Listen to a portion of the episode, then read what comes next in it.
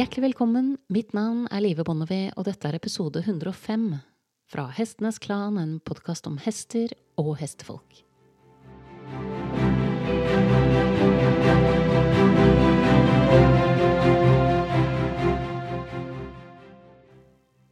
I dag skal du få møte Kelly Wilson, en hestetrener fra New Zealand. Kelly lærte seg, i likhet med sine to søstre, å ri før hun kunne gå, men foreldrene hadde begrenset økonomi til å kjøpe skolehester til jentene. Så da de var fem, syv og ni år gamle, så var de allerede i gang med å fange og trene viltlevende hester, såkalte feral horses. Og da de begynte å temme og trene Kamanava-hester i 2012, så oppdaget de fort at hvert annet år ble arrangert såkalte roundups for å holde populasjonen av Kamanava-hester nede. Disse hestene mangler i likhet med amerikanske mustanger og australske brumbies naturlige fiender, og i likhet med både mustangene og brumbiesene så ble hestene som ble fanget, sendt til slakt. På dette tidspunktet så var Wilson-søstrene, Amanda, Kelly og Vicky, allerede godt kjente fjes på New Zealand, og nå brukte de denne posisjonen til å gjøre problemet med Kamanova-hestene kjent. Det var tidligere gjort mange forsøk på å skolere og selge disse hestene, men de hadde fått et dårlig rykte og ble møtt av mye fordommer. Så Wilson-søstrene hentet ut elleve hester fra den neste roundupen og laget en dokumentarserie om hvordan de gikk fram for å temme og trene dem. Keeping Up With The Kamanovas ble den kalt. På dette tidspunktet så var kamanovaene regnet som krevende og farlige hester som var lite egnet som ridedyr. Men Wilson-søstrene bidro til å nyansere dette inntrykket betydelig. Kamanovaene lever i flokk og gjerne i stabile familiegrupper. Så de er hester med høy sosial profil, som lett knytter seg til folk hvis de får sjansen. Jeg tenker at de har mye til felles med isansester, som også er flokkoppdratt og dermed bringer mye fint inn i relasjonen mellom hest og menneske. Og allerede seks uker etter at Wilson-søstrene begynte å temme de første hestene, var Vicky nede på stranden i strak galopp uten sal på en 17 år gammel hingst som aldri hadde vært håndtert før. Dette ble begynnelsen på en signifikant endring i hvordan man betraktet disse hestene, og i dag reddes alle hestene som sankes inn og omplasseres til nye hjem.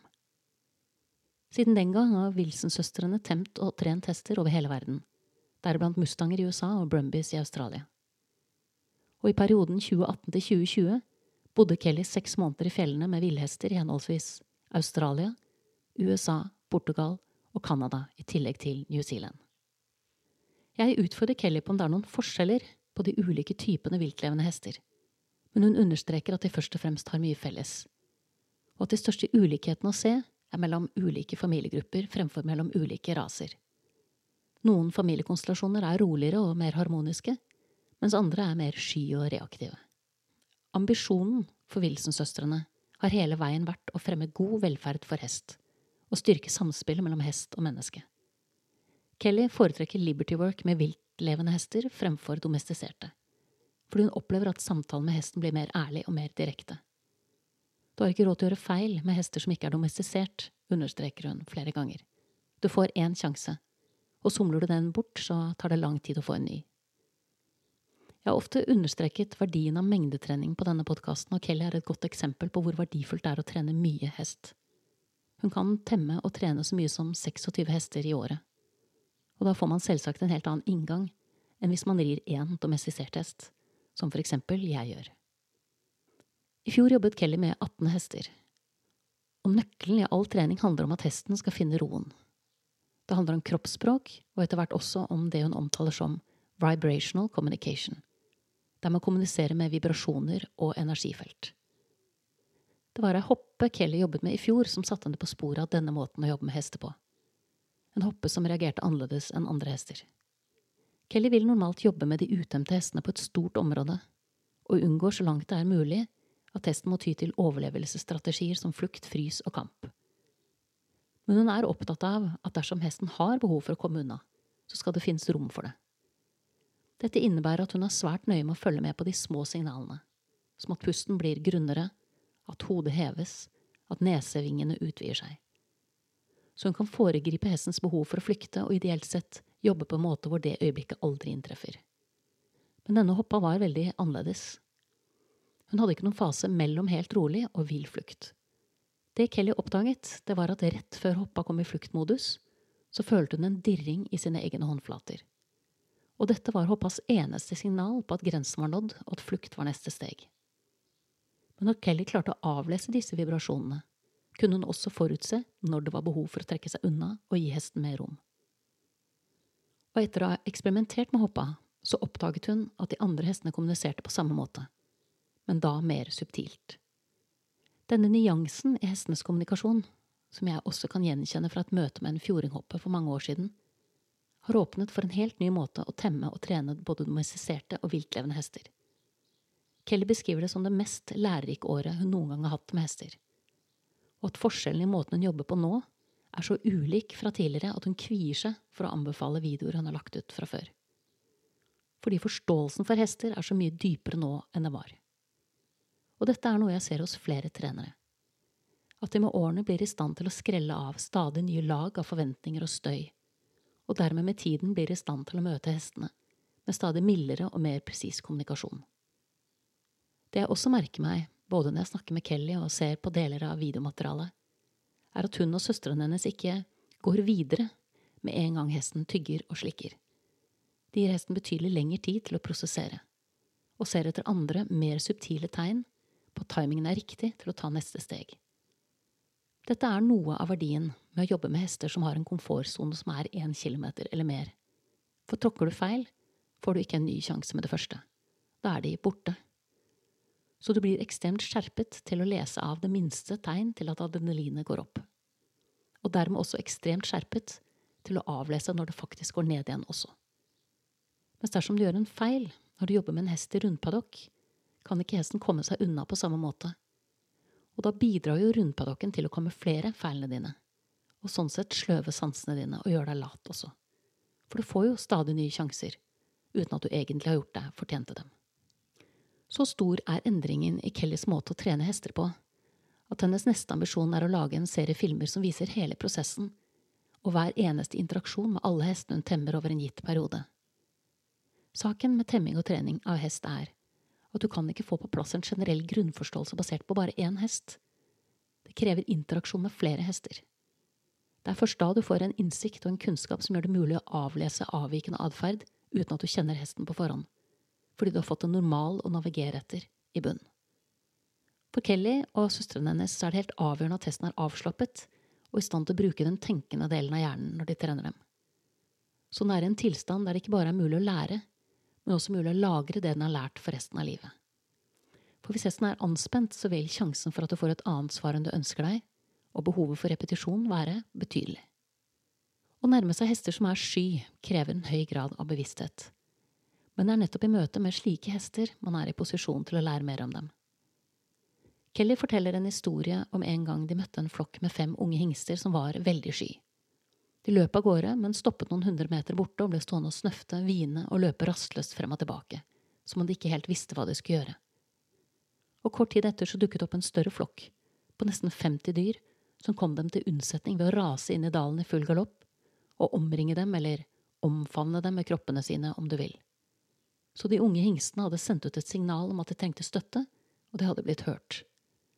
Dette er en kjent atferd der en større flokk typisk kan bestå av fem–ti familier, som sprer seg utover et større område, men kommer hverandre til unnsetning hvis noen er i fare. Trikset når man nærmer seg en flokk viltlevende hester, er å plukke opp de toneangivende signalene fra de toneangivende individene, typisk lederhingsten og den mest erfarne hoppa. For det er disse to som setter adrenalinnivået i flokken. Kelly leter også alltid etter det hun kaller preindikatorer, det vil si de små signalene på at adrenalinet stiger. Og målet er at hestene aldri skal behøve å bli anspente. Man må også ta med i ligningen at når det gjelder kommunikasjon via vibrasjoner, så går den selvfølgelig begge veier. Det er ikke bare hesten som sender ut vibrasjoner, vi gjør det også. Så dersom vi er klare i vår kommunikasjon basert på erfaring, men eksempel usikre på hesten som står foran oss, så vil hesten først og fremst fange opp vibrasjonene fra sistnevnte noe som igjen kommer i inngrep med et tilbakevendende tema på denne podkasten, som handler om viktigheten av å være autentisk og ha kontakt med seg selv og sin egen kropp. For når det gjelder samspillet mellom hest og menneske, så er det viktig å alltid holde muligheten åpen for at det ikke er hesten som er problemet. For det er vel så ofte oss. Kelly høstet seg også veldig verdifulle erfaringer da hun tilbrakte tid med en amerikansk krigsveteran som var rådgiver for spesialstyrkene. Han jobbet ut fra en tankegang om at det var viktigere å se etter avvik som kunne avsløre at noen var i ferd med å plassere en bombe, enn å bruke ressurser på å kartlegge hvem som hadde plassert bomben etter at den hadde gått av. Dette er et veldig godt bilde på hvordan Kelly etterstreber å jobbe med hestene sine. Hun venter ikke på at bomben skal gå av. Hun prøver å desarmere den før den smeller, ved å være proaktiv og se etter preindikatorer i hestens kroppsspråk. Kelly trekker fram boken Left of Bang, som mange sammenligner med San Su, The Art of War, som igjen er en bok der jeg henter noen av mine absolutte favorittsitater. Som sitatet Every battle is won before it was ever fought. Left of Bang er skrevet for Marinekorpsets Combat Hunter-program, men den er likevel svært relevant for det sivile livet. Og for trening av hester, fordi den annet handler om å ta inn og avlese sine omgivelser aktivt. Kelly trekker også fram verdien av et proaktivt tankesett når det gjelder domestiserte hester. Selv om viltlevende hester på mange måter er betraktet som en egen rase, så er kjernen den samme. I den domestiserte hesten er den ville siden av dem dypere begravet, og noen ganger heller ikke intakt lenger. Og etter å ha sanket år med erfaring behandler Kelly sine domestiserte hester på den samme måten, med den samme varheten og den samme oppmerksomheten som de viltlevende hestene for å sikre at de domestiserte hestene beholder både viljen og evnen til å kommunisere med mennesker gjennom sitt naturlige språk. Hvis kommunikasjonen blir for uklar fra vår side, og sløv om du vil, så vil hesten enten koble oss ut eller melde seg selv ut. Resultatet er at det blir knuter på kommunikasjonstråden, noe som igjen påvirker relasjonen. Uklar kommunikasjon fra oss avleses på samme måte som hvit støy for hesten. Det er mange som er blitt overrasket over atferd hesten utviser. Men ingen kastes av uten forvarsel, sier Kelly. Det er alltid preindikatorer som varsler om det som kommer. Den virkelige kunsten er å kjenne dem igjen og avlese dem i tide. Dette er også nøkkelen til å forstå hvorfor noen kan oppleve en hest som både trygg og forutsigbar, mens andre kan oppleve å bli bukket av den samme hesten. Fordi den som avleser hesten godt, klarer å avverge bukket, uten engang måtte tenke en bevisst tanke rundt det, mens den som ikke leser hesten like godt, opplever at hestens reaksjon kommer ut av det blå, og ender med å ligge på bakken og spytte gress uten å forstå hva som skjedde. Vi snakket også om overføring av informasjon innenfor hestekulturer, og Kelly trakk fram eksempler som ligner noe av det vi kan se i Norge, der informasjonsoverføringen fra de gamle hestekarene og hestekvinnene i mange tilfeller har gått tapt, og at den oppvoksende generasjon lærer å ri hestene, men ikke nødvendigvis å lese og forstå dem. Å jobbe med energifelt blir også en stadig større del av Kellys temming og trening av hestene.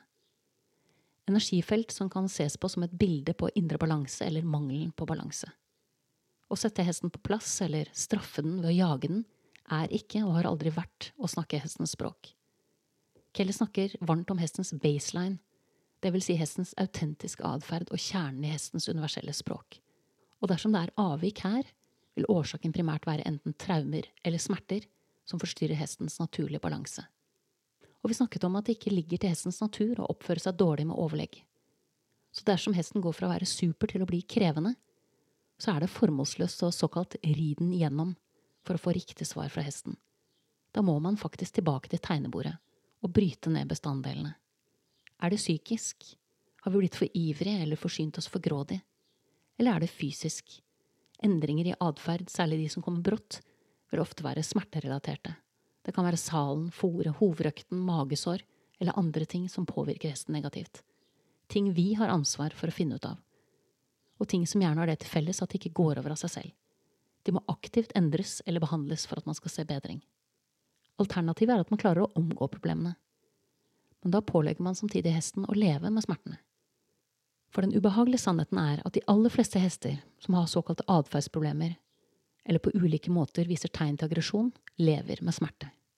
Kelly snakker også varmt om emotional release therapy, og hvor effektivt det er å bruke dette i møte med hester.